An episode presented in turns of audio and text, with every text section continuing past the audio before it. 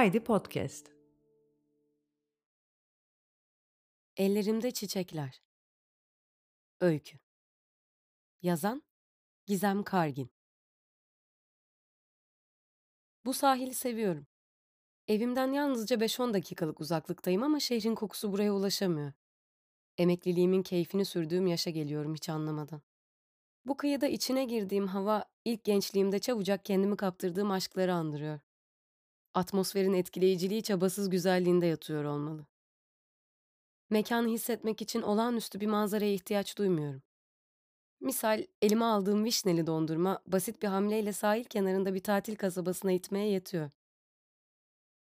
Halbuki iki sokak ötede biliyorum ki kent yaşamının solgun yüzleri ellerinde bir torbayla tuttukları yalnız başınalıklarını yere sürte sürte yürüyorlar. Ayaklarında hareket etmenin dermanı kalmamış gibi. Ya da bir elini itmesini mi isterlerdi sırtlarından? Her neyse. Unuttum gitti. Vişneli dondurma. İki topu yedi lira olmuş. Param yok diye üzülüyor kuzenim. Kendisi almak istiyor. Kısa bir el kol paslaşmasıyla hızlı davranıyorum. Dondurmayı ben ısmarladığımdan parasızlığıma daha fazla üzülmesin diye bitiremeyeceğimi bildiğim halde kendime de iki top alıyorum.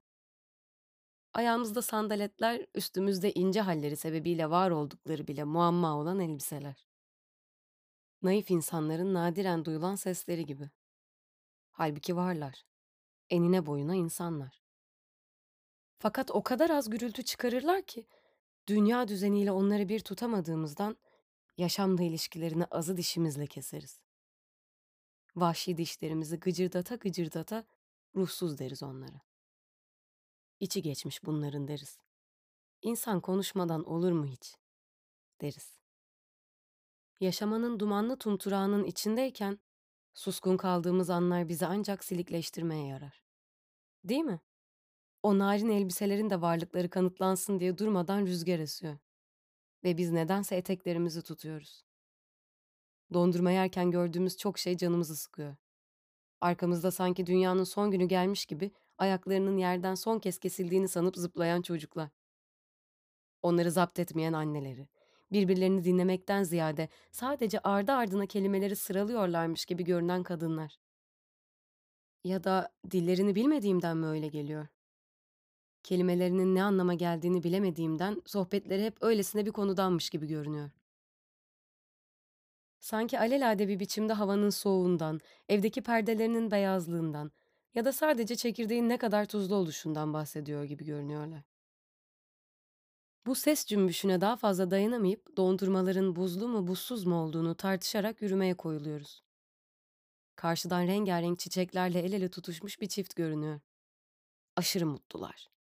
Vay be diyerek biraz imreniyoruz.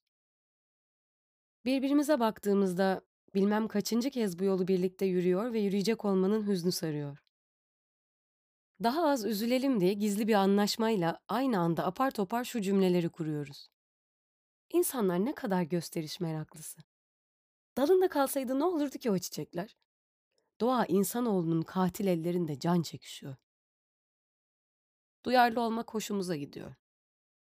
Sohbetin seyri bu yönde ilerlerken bir kadın daha görüyoruz. Elindeki çiçekleri koklayarak bize doğru geliyor. Fikrimizden hiç şaşmadan aynı cümleleri onun içinde kuruyoruz. İnsanlar ne kadar gösteriş meraklısı. Dalında kalsaydı ne olurdu o çiçekler? Doğa insanoğlunun katil. Tam birbirimize verdiğimiz gazla azılı bir şekilde adımlarımız hızlanarak yürüyüşümüzü bitirmek üzereydik ki... Hatta bu anlatı hafif kalır. Sanki doğayı kurtarmak için görevimizi tamamlamak üzere sarı çiçeklerle dolu kırlara doğru koşuyorduk ki... Yerde oturan ve elindeki dalları boyamakla ilgilenen bir kadınla karşılaştık.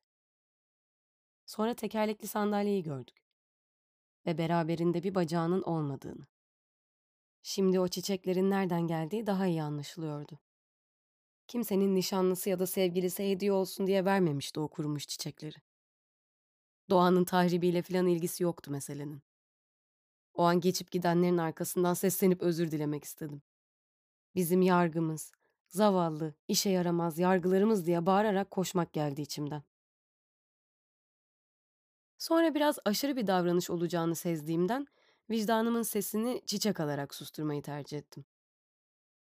Tuhaf olanı ise bunu kadına karşı duyduğum acıma hissinden dolayı yapmadım. Ansızın ortaya çıkmış olan belki salt insan olmaktan doğan yargılama güdüme karşı açtığım bir çekişti bu. Hafızamla bir anlaşma imzaladım o akşam. Evin köşesinde o boyalı, kurumuş üç buketi gördükçe bir şey hatırlayacaktım. Bu arada aslında bir buket almak istediğim halde sırf yine kuzenim param olmadığına üzülmesin diye üç buket yaptırdım. Olmadık zamanda ince ince ve terleyerek düşünmek zorunda kaldığımız şeyler ne komik. Şimdi o yolu biz de geçiyoruz elimizde çiçeklerle. Kim bilir hakkımızda ne düşünüyorlardır. Olsun. Yolun sonunda ne demek istediğimizi onlar da anlayacaklar.